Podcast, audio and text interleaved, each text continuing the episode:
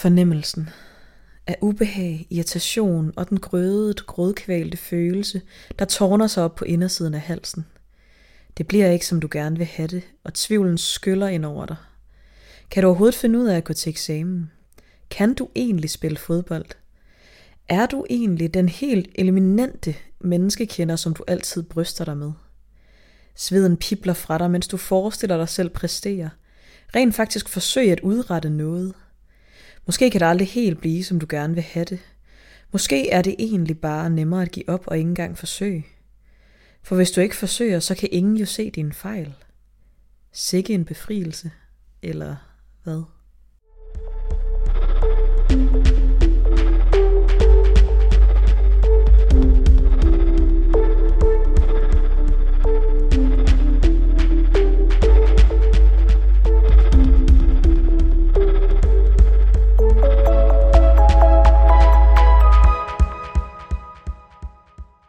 Hej og velkommen til Sydstik. Mit navn det er Digte. Og mit navn det er Sara. Og i dag der skal vi snakke om perfektionisme og hvordan det kan komme til udtryk hos både os selv og hvordan vi også ser det i det omgivende samfund, vi lever i.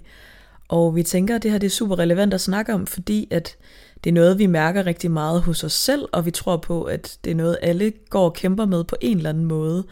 Og det kan være ligge til grund for rigtig meget frustration hos både en selv og ens omgivelser, hvis de ligesom oplever, at man er perfektionistisk, og man selv oplever, at man er perfektionistisk.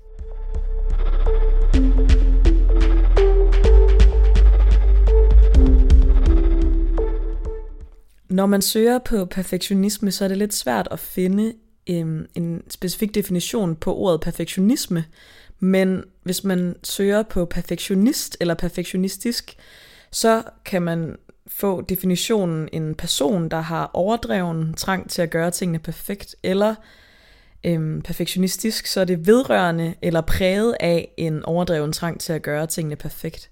Og i begge definitioner så står ordet overdreven i parentes, hvilket jeg synes er lidt interessant, fordi det er ligesom det ord i den definition, der kan gøre, at den her definition virker lidt negativt lavet, eller i hvert fald, at, at perfektionisme og, eller det at være perfektionistisk ikke, ikke er, altså når det der med at noget er overdrevet, så er det jo også lidt et lighedstegn med, at det ikke nødvendigvis er en sund adfærd.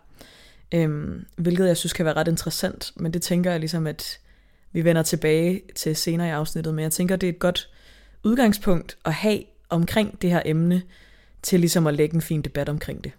Så, så hvad, når, når jeg siger perfektionisme, og hvordan tænker du, at det især kommer til udtryk ved dig selv? For jeg tænker, det kan komme til udtryk på rigtig mange forskellige måder, men, men hvad er det første, du tænker på, når, når jeg siger det? Ja, du har virkelig ret i, at det ligesom kommer til udtryk på rigtig mange forskellige måder. Øhm, men noget af det første, jeg tænker på, det er måske, at jeg er kæmpe people pleaser. Det tror jeg virkelig har noget med perfektionismen at gøre at man gerne vil please, og at folk har nogle forventninger til en, som man føler, man bliver nødt til at indfri.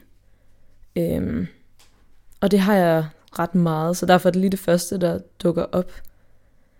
At øh, jeg simpelthen, altså ubevidst på et eller andet plan, føler, at der bliver stillet alle mulige krav, og at jeg så skal være, ja, den plisende karakter. Og det øh, passer også godt til min placering som midterbarn. Man er diplomaten.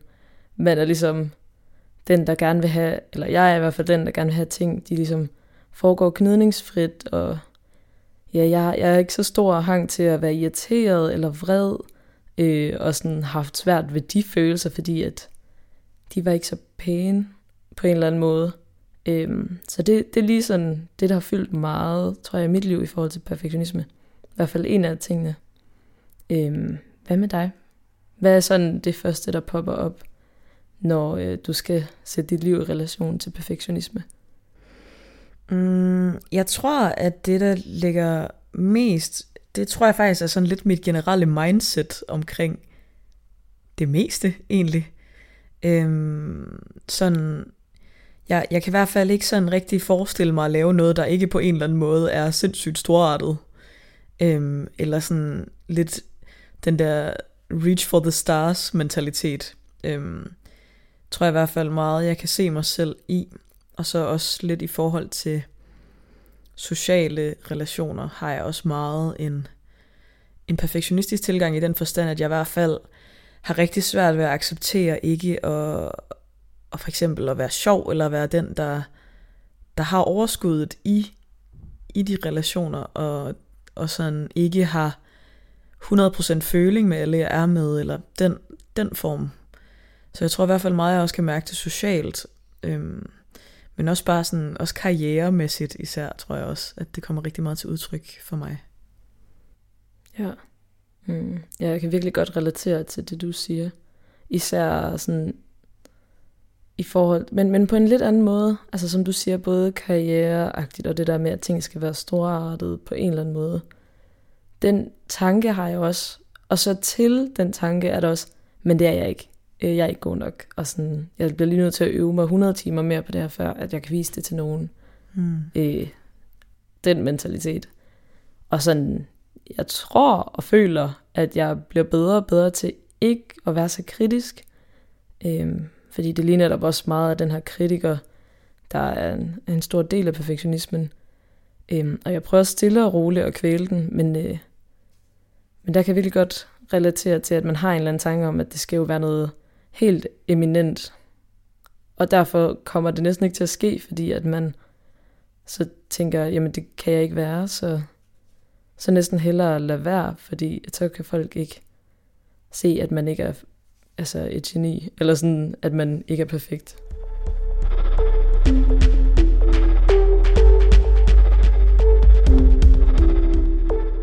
Det der med perfektionisme er jo, at der tit hører en lille, eller en forholdsvis stor nogle gange, selvkritiker med.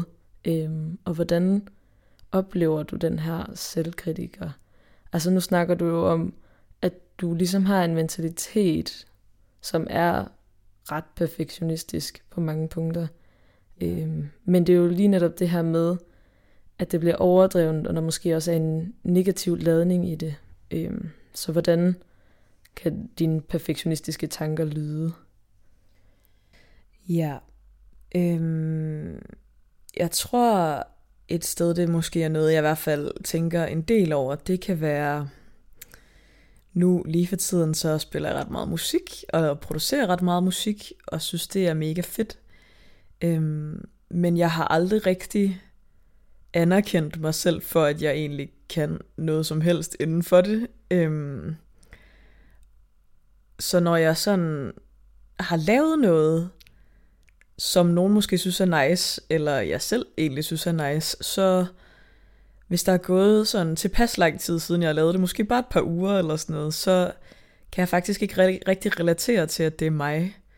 Øhm, og for eksempel hvis jeg har sunget på et track, så er jeg sådan, åh, oh, det er faktisk ikke min stemme. Øhm, så på en eller anden måde, så tror jeg, at mine sådan indre kritikere tager lidt afstand til, at jeg faktisk godt kan finde ud af noget nogle gange. Eller sådan, det er lidt en det er som om, jeg ikke vil, vil lade mig selv føle, at oh, det, det er faktisk okay, eller det gik faktisk godt, eller wow, jeg kunne faktisk godt finde ud af det her inden for det her emne. Øhm, det, det kan jeg i hvert fald godt mærke som sådan min indre kritiker. Det er, at det på en eller anden måde, den siger, at det er urealistisk, at jeg har lavet noget, der lyder nice på en eller anden måde. Øhm, det er i hvert fald noget, jeg godt kan genkende rigtig meget indenfor.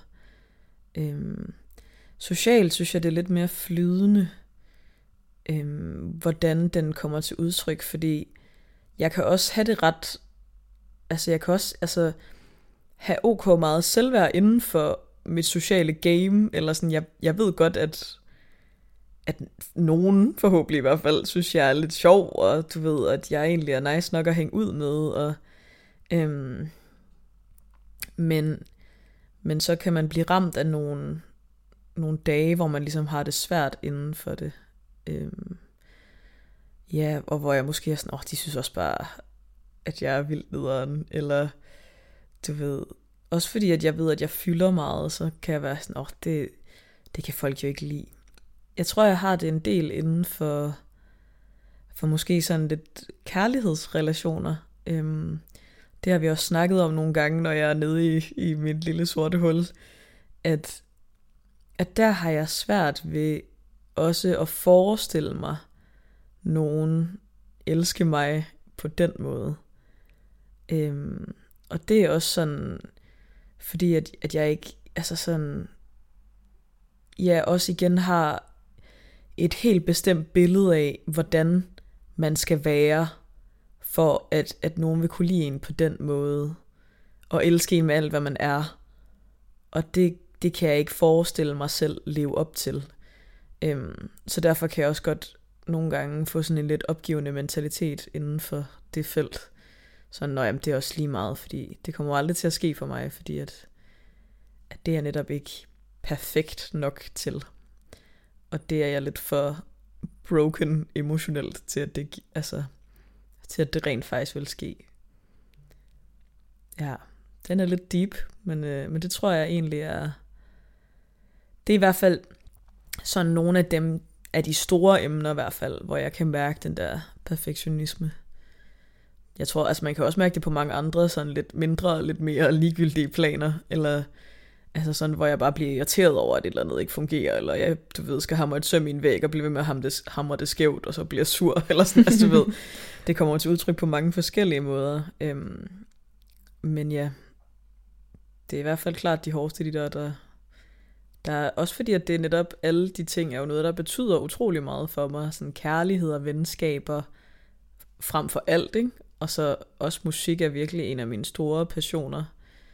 Og det er jo nok også det der med sådan, det tror jeg, alle kender, det er jo ligesom perfektionisme, eller sådan kravene til sig selv, vokser også i takt med betydningen af det, du arbejder med. Altså sådan, hvis du investerer flere og flere timer i noget, eller mere energi, eller emotionelt, eller et eller andet, jo højere krav sætter du også til dig selv i det. Øhm, fordi at det jo betyder mere og mere, og derfor slår du dig også selv hårdere og hårdere, hvis det ikke, altså, hvis det ikke virker, eller ikke går. Ja, også lige til den, der har jeg et, et, mere, altså et lag mere at tilføje, øhm, fordi jeg føler også, jeg meget kan genkende, især med musik, alt det du siger. Øhm, det der med, at jo flere timer man investerer, jo mere man er investeret i det, jo mere tænker jeg, at andre forventer af mig. Og derfor går jeg helt i baglås, fordi det er sådan, om nu har jeg også spillet klaver i, i, i lang tid, så nu skal jeg være så og så dygtig. Og hvis jeg så tænker, om de forestiller sig nok, at jeg er altså den nye Mozart, og det er jo på ingen måde, så derfor så kan de så godt bare lade være med at spille for nogen, fordi jeg lever alligevel ikke op til det, de forventer. Fordi jeg også selv jo på en eller anden måde forventer, at jeg skal være så dygtig. Fordi det er jo en eller anden lille løgn, jeg har genereret omkring, hvad andre mennesker tænker. Ja. Jeg, ved, jeg ved ikke, hvad andre mennesker tænker, kan man sige, så det kan også være, det det, de tænker, men, men i hvert fald så er det lidt et giftigt lag, man kan komme til at, at ligge på. Ja, jeg tror også lige inden for musik, eller, og det tror jeg måske, man kan, man kan overføre til mange forskellige discipliner, det der med, jeg tror, at, at for mig er det, det sådan, at, at jeg føler, at andre mennesker, der spiller musik, for eksempel andre mennesker, der synger, de har knækket en eller anden kode til, hvordan man gør, og for, altså sådan, som jeg ikke har knækket, på en eller anden måde, hvis det giver mening. Altså sådan, som om, at, at der er en eller anden insight, jeg ikke forstår, eller som der gør, at de har en sikkerhed i, hvad de gør, som jeg ikke får.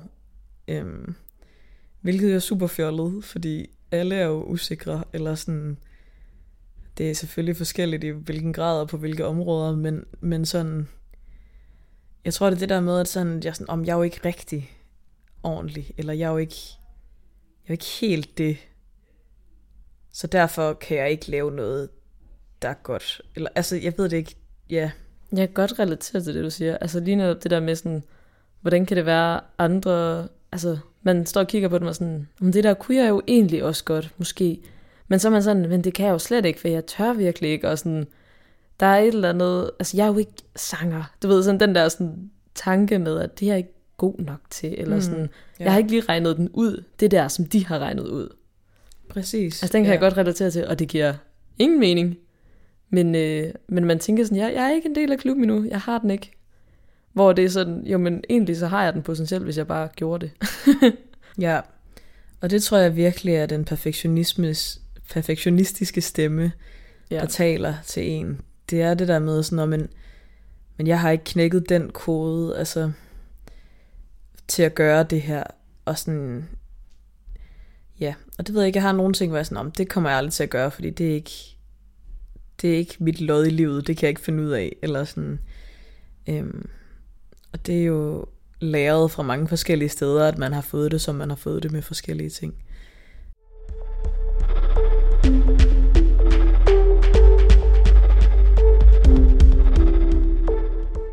Der tror jeg også, jeg har den lidt med.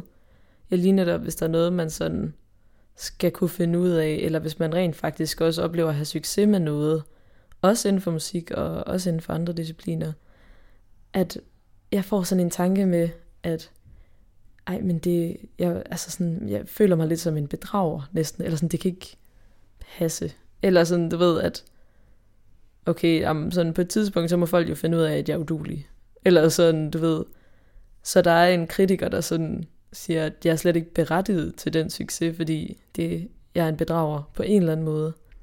Ja, og det er ret spændende, det er det der citat, eller hvad man siger, fordi det er noget, øhm, jeg kan ikke lige huske hvem eller hvor, men det er noget, jeg netop, altså, det er selv nogle af de største kunstnere i verden kan føle det der. Altså sådan, det, og det der med sådan, åh, hvornår finder de ud af, at jeg faktisk ikke kan noget som helst? Mm. Og det tror jeg virkelig er, er så, altså, noget, der er så eksistentielt for alle, det der med sådan, åh, hvornår finder de ud af, at jeg ikke kan noget?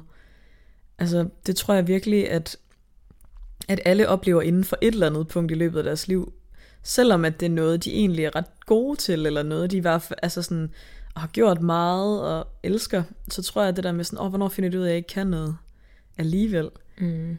Øhm, det tror jeg i hvert fald, mange godt kan spejle sig i på en eller anden måde, på forskellige områder. Jeg har i hvert fald sådan, hver gang jeg skal præstere, altså om det er til eksamen, eller hvis jeg rent faktisk stiller mig op og skal synge for nogen, så tænker jeg, fake it till you make it. Jeg tager en eller anden facade for, hvor det er sådan, jeg har den, jeg har styr på det. Og du ved, det er faktisk også vildt godt, fordi det rent faktisk giver mig modet og gør, at jeg rent faktisk gør de her ting. Men det betyder også, at jeg samtidig tænker, men det er ikke mig, der gør det her lige nu, fordi jeg har taget en eller anden persona på, eller et eller andet.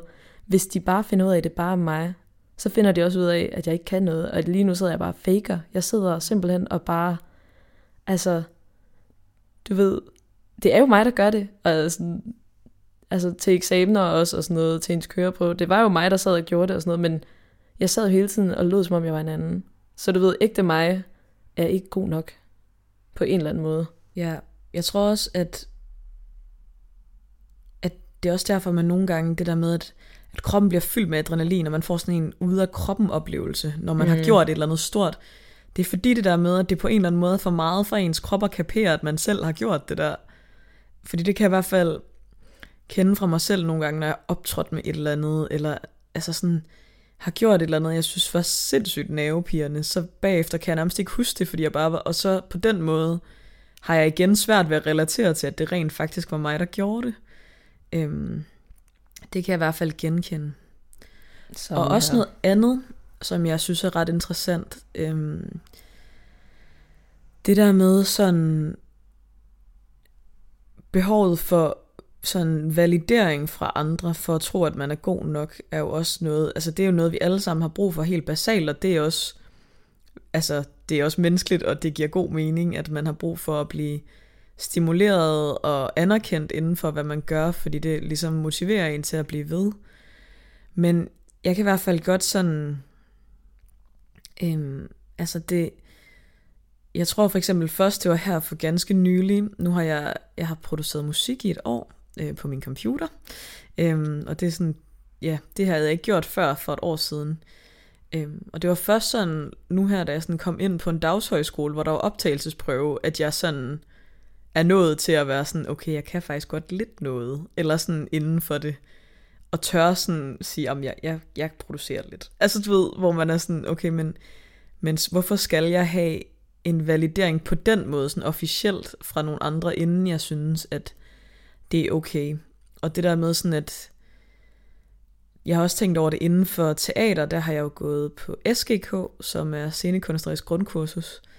Øhm, og det der med, det er lidt en blandet følelse, fordi det giver mig en eller anden form for validering i sådan, okay, jeg kan godt et eller andet med teater, eller sådan, det, det må jeg jo kunne, der var jo en grund til, at jeg kom ind.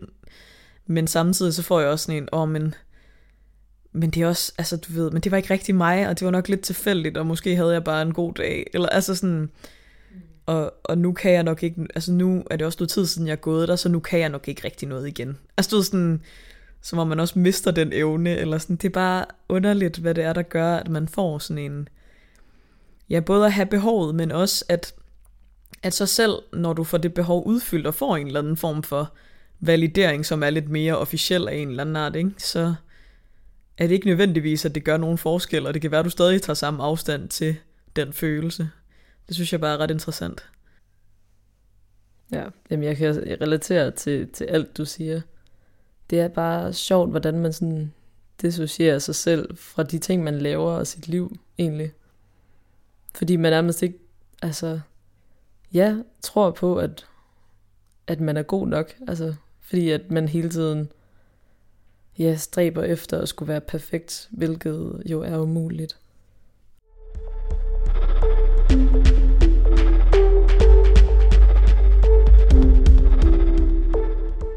Jeg tænker lidt på, hvor alle de her krav, vi sætter til os selv inde i vores hoveder, hvor de stammer fra.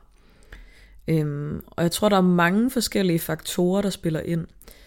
Det, der, det, jeg synes, der er lidt spændende omkring det at være perfektionistisk og tænke, altså at stræbe efter perfektion, er virkelig meget noget, vi har haft oppe og vende her i vores generation især, øhm, med diskussion omkring 12-talspiger og sådan, som man jo kalder det, selvom jeg tror, at det egentlig ikke er så kønsbestemt.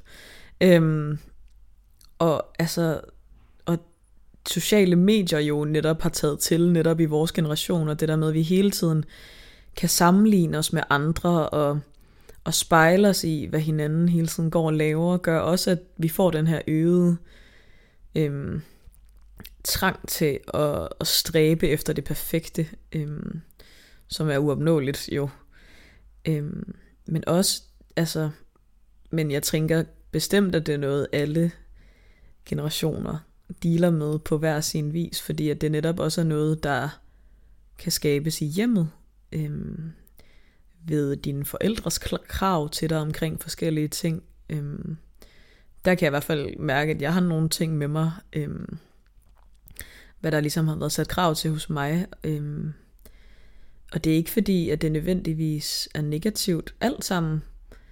Øhm, fordi at, at perfektionisme er ikke kun, altså perfektionisme er for meget, men den der stræben efter at blive bedre og gøre en masse, altså sådan, og ligesom skaber det der drive for at leve jo, er jo super sundt og mega fedt, så det er ikke kun en, ja, det er netop ikke kun dårlige vaner, der kan skabes omkring den her, eller sådan omkring den måde, du tænker, hvordan du gør ting, og hvad du skal opnå. Fordi det giver dig også ting at glæde dig til, og alt muligt forskelligt. Det handler bare om, at det skal være afbalanceret. Alt med måde. Mm. Fordi at, som du siger med definitionen, at det er ligesom den her trang til, og så den der parentes med overdreven grad at, at være perfekt. Altså det er den overdrevne del, som jo egentlig gør det negativt. Fordi det er jo egentlig fint at stræbe efter at skulle være bedre. Øhm, og jeg tror, ja, jeg vil sige det som, at man altid skal stræbe efter at gøre sig umage og gøre sit bedste. Øhm, men forskellen ligger jo så i, at hvis du har den mentalitet, og du kan sige pyt, og du ikke føler dig fanget i det, så er det lige netop sundt og virkelig en god ting at ligesom være ambitiøs på punkter og ja, stræbe efter noget. Men lige så snart det bliver perfektionistisk, så er det tit, at det bliver meget sådan, altså, at, ja, at det lukker verden, i stedet for at åbne den på en eller anden måde. Og at det bliver meget selvkritisk, ja, som vi har kommet ind på. Øhm. Og i forhold til det, du siger med sådan, at det tit er også i hjemmet, at der ligesom bliver lagt en grobund for den her perfektionisme, så øhm, jeg har fundet øhm, sådan fire typer forældre, eller sådan, ja, i hvert fald fire forskellige måder, hvor perfektionisme de ofte kan blive udviklet hos et barn. Øhm, og det er sådan, hvis forældre for eksempel ofte kritiserer, eller retter på, eller justerer på, ignorerer, eller afviser, altid ved bedre, skiller ud over ting, eller griner af det barnet gør, det er en, en hyppigt set sådan øh, forældrekarakter, kan man sige, øh, som barn kan opleve. Og så er der også øh, det, at, at, at barnet gentagende gange, nej, at forældrene gentagende gange belønner barnet, når det præsterer, som de ønsker, eller når præstationen er perfekt. Øh, og barnet bliver herved bange, bliver herved bange for ikke vedvarende at kunne leve op til kravene. Så det bliver den her med sådan, okay, men jeg er kun god nok, hvis det er helt eminent. Det som vi også har kommet ind på tidligere. Øhm, og så er der den tredje, hvor at forældrene måske selv er perfektionistiske, og så tillærer barnet samme adfærd. Øhm, og så også kan barnet altså have en medfødt tendens til at udvikle perfektionisme, øhm, som ny forskning taler om, og man kan have sådan et generationstraume, der omhandler perfektionisme. Det, som vi har allerede været lidt ind over med, at der er så meget, vi bliver bombarderet med sociale medier, og sammenligningsgraden er så høj, både når det kommer til udseende, og når det kommer til uddannelse, når det kommer til kunden og gøren, og man skal have talent, og man skal hele tiden præstere. Og hvis mm. du skal ind på den rigtige uddannelse, så skal du have så og så højt et snit. Og så på den måde, så kan man sige, at der er rigtig mange ting, der kan være med til at skabe grobunden for, øh, for perfektionisme. Men det er i hvert fald rigtig godt at blive bevidst om, så man ligesom også bevidst kan gøre noget ved det, hvis det lige netop bliver den her overdrevne grad af perfektionisme, som styrer en og ens tanker. Ja, og også altså, i forhold til den måde, jeg tror, det der kan gøre, at man netop kan få den her lidt sådan generelle perfektionistiske tilgang, som konstant er der, det er jo det der med, at, at for eksempel i dag, jeg har jo ikke, altså, jeg har været hjemme sammen med dig, yeah. og hvis der ikke havde været sociale medier, så havde det jo bare været dig og mig hele dagen, altså sådan i dag. Mm. Men det, at, at jeg nemt kan se noget andet, gribe ud efter, og netop spejle mig i sådan, okay, der er, jeg kan se, at de her mennesker, de laver de her 87 ting. Corona har hjulpet lidt på det, men øh, så det måske kun øh, er 83 ting. Men, men det der med sådan, at man konstant kan spejle sig på den måde, tror jeg kan være rigtig farligt for den her perfektionistiske tilgang, som mange kan tilegne sig. Øhm, selvom at man ikke tænker, altså fordi typisk vil jeg ikke se mig selv som en, der egentlig spejlede mig så meget i, hvad andre gør, men det gør jeg jo alligevel uden at tænke over det. Så jeg tror, det ligger så underbevidst, at man hele tiden bliver stimuleret af også, hvad andre gør. Øhm, og så bliver man sådan, åh, så jeg jo, må jeg jo også på en eller anden måde være understimuleret, fordi jeg ikke har uden op, altså sådan, jeg har ikke præsteret eller formået særlig meget i dag, for eksempel. Øhm, det tror jeg i hvert fald godt kan have noget med det at gøre. Øhm, og det du siger omkring, hvad man sådan har læret fra barndommen, jeg kom bare lige selv til at tænke på, at jeg tror, at det, som jeg i hvert fald har sådan indgroet i mig, som jeg kan mærke ikke er noget, jeg har fra sociale medier, i hvert fald ikke noget, jeg lige umiddelbart føler, eller sådan sociale konstruktioner på den måde, øhm, er klart sådan noget med karriere. Øhm, mm. Det kan jeg virkelig mærke, sådan, og det tror jeg helt vildt mange kan spejle sig i det der med sådan, at at jeg kan ikke bare blive et eller andet middelmodigt i citationstegn. Øhm, og, det, altså, og det er ikke, jeg synes alle jobs er så nice og fair, og du ved, på en eller anden måde, altså de mest ærefulde jobs er altid dem, der får min, mindst credit på en eller anden måde. Men, sådan, men jeg kan ikke se mig selv blive lærer, for eksempel, eller, eller pædagog, eller eller håndværker. Selvom at det er nogle sindssygt prestige og mega vigtige jobs. Og jeg har nogle folkeskolelærer, jeg skylder alt, fordi jeg synes, de var så fantastiske og virkelig gav mig lysten til at skrive og være kreativ og virkelig tænke ud af boksen. Så det er virkelig, jeg sætter så meget ære i det, men, men jeg har på en eller anden måde et eller andet i mig, der siger, at det ikke er, altså det er ikke ambitiøst nok for mig. Det er ikke, det er ikke nok og for mig at være det der. Øhm, fordi at jeg skal, jeg skal ud og erobre hele verden med alt muligt. Eller sådan, og har virkelig sådan sindssyge krav til, hvad jeg skal opnå med det på en eller anden måde. Og også at, at min karriere skal være mit liv. Altså, du ved, jeg har altid, eller i hvert fald meget længe sagt, at jeg har ikke noget mod at arbejde 70 timer om ugen, så længe jeg bare laver noget, jeg godt kan lide. Øhm, og det mener jeg stadig. Øhm, men jeg havde en ret fed snak med min søster omkring det der, faktisk. Øhm, hvor hun var sådan, men altså fordi jeg har altid interesseret mig for kreative fag på en eller anden måde, og har inden for de sidste 3-4 år i hvert fald fundet ud af, at okay, det er ret meget den vej, jeg skal gå. Jeg skal være noget kreativt på en eller anden måde. Øhm, men du ved, så, jeg, så kan jeg for eksempel være sådan, om jeg så kunne jeg sige sådan, om jeg, jeg elsker skuespil, men jeg kan ikke se mig selv arbejde på teater, fordi det er for ensformigt et eller andet, ikke? Og så sagde min søster til mig sådan, okay, men, men du behøves ikke at blive et eller altså sådan, du kan godt tage en uddannelse, du synes er fed og spændende, og så egentlig bare leve et stille og roligt liv som det. Altså du ved sådan, det er ikke fordi du skal alt muligt, hvis du er glad. Altså sådan, det er ikke det, der skal drive dig. Det er ikke, at, at du skal være den bedste. Altså sådan fordi, at vi kan ikke alle sammen være den bedste til alting. Hvor jeg tror meget, at jeg sådan, at hvis, hvis jeg skal vælge noget, så skal jeg vælge det 200.000 procent, og lægge al min energi i det, og blive den bedste. Og man er sådan, og hvilket er ret paradoxalt, fordi jeg interesserer mig for så mange forskellige ting, og hvis jeg skal blive den bedste til noget, så skal jeg jo vælge én ting, og virkelig gøre det, og måske endda også fejle det forsøg. Og det vil jo ikke gøre mig lykkelig at stræbe efter at være den bedste, når jeg tænker over det. Men det ligger så indgroet i mig, at jeg er svært ved at føle andet, end at jeg skal være den bedste.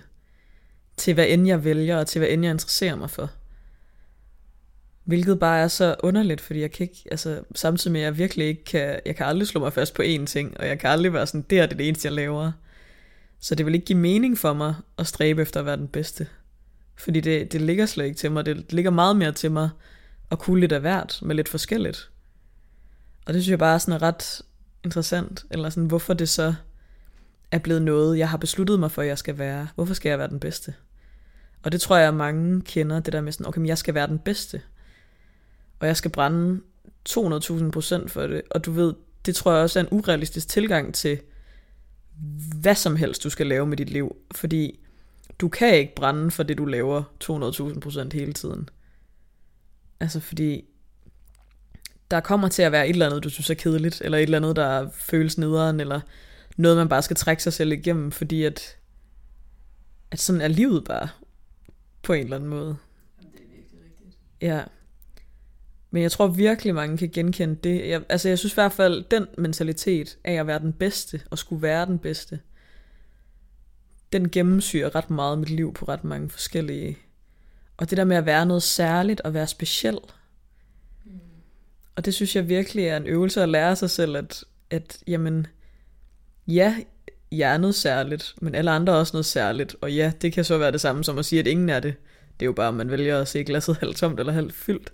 Men sådan, men, men det er ikke, det er ikke derfor, jeg skal, altså sådan nogle gange har det også været min drivkraft, sådan, okay, så er jeg unik og speciel og sej, fordi jeg gør det her. Eller sådan... Og så er jeg tættere på at være perfekt, fordi at jeg netop skiller mig ud. Men det er jeg ikke, hvis jeg ikke er glad. Eller sådan, du ved, det er det der med, at vi skal virkelig have flyttet fokus fra, at det handler ikke om at gøre alting ultimativt. Det handler egentlig bare om at være glad. Og forhåbentlig, når du gør det, der gør dig glad, så gør du ikke andre ked af det. Det er også lidt et mål. ja, ja. og også tit det der med, at det, der gør dig glad, er jo så typisk også noget, du sådan opnår anerkendelse ved. Ja. Så det er virkelig, ja, som du siger, om at flytte fokus derover. Jeg synes i hvert fald, at det giver stadig god mening, alt det du siger. Også i forhold til, at der nok, altså sådan i din familie, også har været en eller anden kultur for, at sådan, at det blev i hvert fald anerkendt, hvis man gjorde noget, der var lidt ud over det sædvanlige. Eller Mm. sådan, hvis der var noget, der lige skilte sig ud, noget man kunne være stolt af, så var det sådan, det var meget velanset. Og på den måde, så tror jeg virkelig bare, at det er blevet tilegnet som sådan, altså også især som barn jo, bliver læret som en eller anden overlevelsesstrategi inden for familien. Øhm, fordi det ligesom handler om, at man gerne vil passe ind, og man vil gerne have forældrenes accept og kærlighed og anerkendelse, og man vil gerne ligesom tilhøre fællesskabet, og så helt underbevidst, så retter man jo ind der, hvor man føler, at man bedst opnår det. Mm. Og det har jo så måske været meget i form af at gøre noget specielt, gøre noget ud over det sædvanlige, og hele tiden så lige netop møde anerkendelsen, når man gør det. Og så tænke, jamen så er det det, jeg skal hele tiden, eller sådan, Mm. så er det kun der, at jeg er god nok, når Ja. jeg er på toppen. Ja. Så det, det giver rigtig god mening i forhold til det her med perfektionisme. Ja. Jeg tror i hvert fald meget, det er sådan, at det har læret i mig, det perfektionistiske måde at gøre ting på. Netop fordi, at ja, det der med at skille sig ud og være speciel på en eller anden måde, det tror jeg i hvert fald er noget, jeg kan genkende rigtig meget. At det er på en eller anden måde et ideal. Det ligger i hvert fald meget indgroet i mig at have den tilgang. Øhm. Ja, og i hvert fald noget, jeg tror, jeg aktivt skal øve mig på hele mit liv. Og acceptere, at jamen, det er okay ikke at være noget sejt i dag, eller sådan på en eller anden måde, fordi det er jeg ikke specielt god til. Og sådan, altså jeg tror virkelig, hvis man har set How I Met Your Mother, så er jeg virkelig den måde, som Barney Stinson han lidt forsøger at leve sit liv på, er noget, jeg i hvert fald virkelig godt kan spejle mig i. Det der med sådan, at okay, alt er bare legendarisk, og man skal bare, du ved, hele tiden søge for det greater, det vildere, det mere, altså, det der skaber de vildeste aftener, og du ved, og det er jo også fedt nok at gøre i nogle tilfælde, men ikke når det ligesom kommer, altså ikke når det tager over fra bare at føle, hvad der egentlig er behov, og hvad der gør en glad i momentet. Øhm, ja, og ikke tænke, hvad andre tænker om det, man gør. Selvfølgelig skal man tænke over det i en vis grad, til, altså, så længe man ikke gør nogen ked af det og sådan noget, ikke? Men, men det er ikke det, der skal styre på en negativ måde. Ja, og det skal siges, det er også okay at gøre folk kede af det, hvis det er, at man har ret til det. Ja, ja, og man kommer jo, man kan ikke komme igennem livet uden at gøre nogen ked af det, Heller ikke øhm, det. desværre. Men sådan er det jo lidt. Men jeg Ja. synes, det er en vild fed sammenligning, fordi det er meget rigtigt. Altså, den der Barney Stinson-mentalitet. Ja, Men det er jo også, altså... den kan jeg virkelig se mig selv i i hvert fald. Jamen, jeg kan virkelig også godt se dig i den. Men det er jo også på, måde, på en måde en eller anden angst for ikke at være god nok. Altså det Ja. der med at skulle overpræstere og sådan lige netop gøre det legendary. Altså, fordi man ligesom måske er bange for, ja, ikke at passe ind og sådan blive udstødt eller afvist eller sådan forladt ja. på en eller anden måde. Så sådan derfor, så prøver man virkelig, altså sådan på en eller anden måde, at tilpasse sig, men på sådan en måde, hvor man overkompenserer for et eller andet.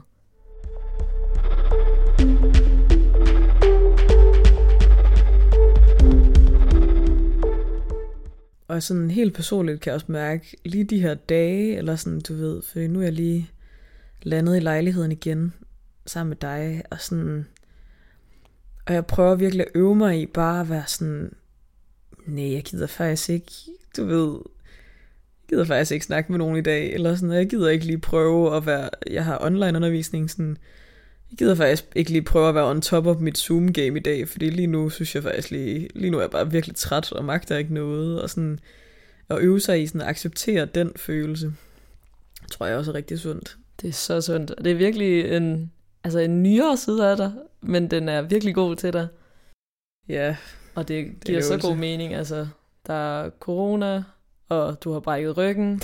Der er ligesom nogle ting, som gør, at det måske også bare fucking værd at sige, jeg tager lige en off-dag igen i dag. ja, Og sådan, altså, men også fremover, når du ikke har en brækket ryg, og når der ikke er corona, så er det jo bare sindssygt sundt. Og ligesom, ja, i hvert fald vide, at det er ens selvværd, kan man sige. Det afhænger lidt mere af, om man har en god dag, om man er glad nok for det, man gør, og det ikke skal handle om at ud og søge alles accepter, ud og gøre noget legendarisk og exceptionelt, for ligesom at kunne være det bedre menneske, som man gerne vil være. Det, det er sgu ikke det, det skal komme an på. Nej. Og det her, det bliver lige en god preach til digte. Ja, det er virkelig, altså, altså preach til digte. Den skal ja. du lytte til, når landet åbner op igen. Ja, men jeg håber, der er nogen, der kan spejle sig i det. Det er i hvert fald noget, der er meget aktuelt for mig. Øhm, på den måde. Det er i hvert fald noget, der sådan... Og det der med at give sig selv fri, er virkelig en øvelse fra ens perfektionistiske tanker. Kan super meget. Og virkelig en god øvelse, som jeg tror, alle vil have gavn af. På alle mulige forskellige måder. Og det er jo bare forskelligt, hvad det kommer til udtryk hos en selv. Mm. Ja, og så prøv at se lockdown lidt mere, hvis man kan, som en, at okay, så kan man ligesom tage sig den tid til lige at mærke, at det er faktisk okay at være her alene, og bare ikke være noget sejt for nogen, eller for noget, eller ikke lige få lavet det, du synes, du skulle. Det er egentlig okay. Mm. Jeg tror også, noget af det, jeg prøver at øve mig på under lockdown i forhold til perfektionisme, det er jo egentlig, at sådan, okay, man ser kun sin boble, så jeg ses kun med mennesker, jeg sådan er tryg ved. Og det er måske et godt sted for mig at starte øh, med det, jeg snakkede om her tidligere i afsnittet, med at jeg er kæmpe pleaser, og jeg har svært ved beslutningstagning, og sådan at sætte grænser generelt, og fordi jeg bare grænseløst vil please min omverden. Mm.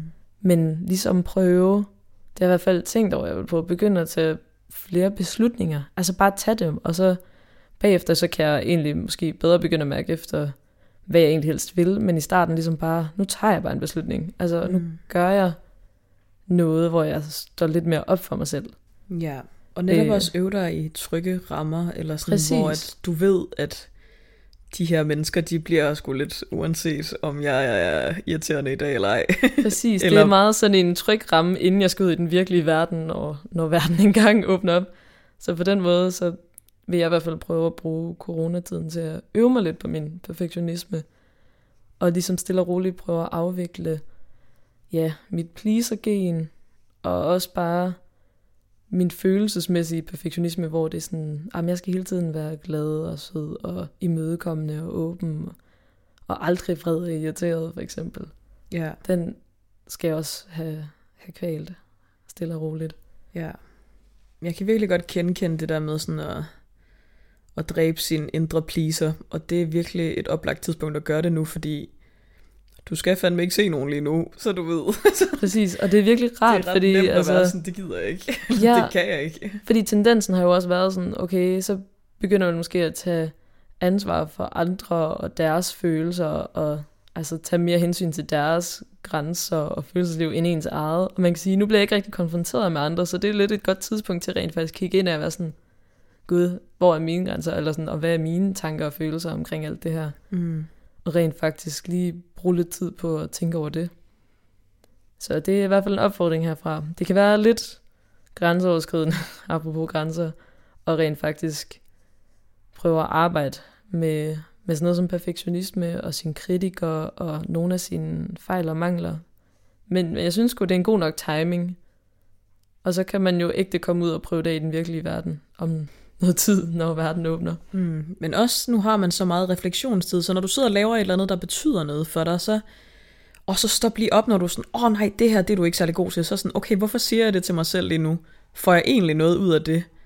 Vil jeg sige det her til en af mine gode venner? Det vil du nok ikke. Sådan.